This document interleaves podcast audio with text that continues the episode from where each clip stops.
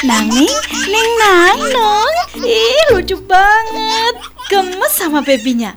Foto dulu, upload di medsos. Hehehe, Jangan mengunggah foto si kecil di medsos tanpa izin orang tuanya, Jeng. Itu sama aja menempatkan mereka dalam bahaya. Terutama serangan predator anak bisa menjadi target aksi kejahatan yang terencana. Oh, Makanya, jangan mengumbar data pribadi anak seperti nama lengkap, Oh. tanggal lahir, alamat rumah, sekolah, tempat les anak di medsos juga jangan. Tidak mengikut sertakan anak lomba-lomba di sosmed.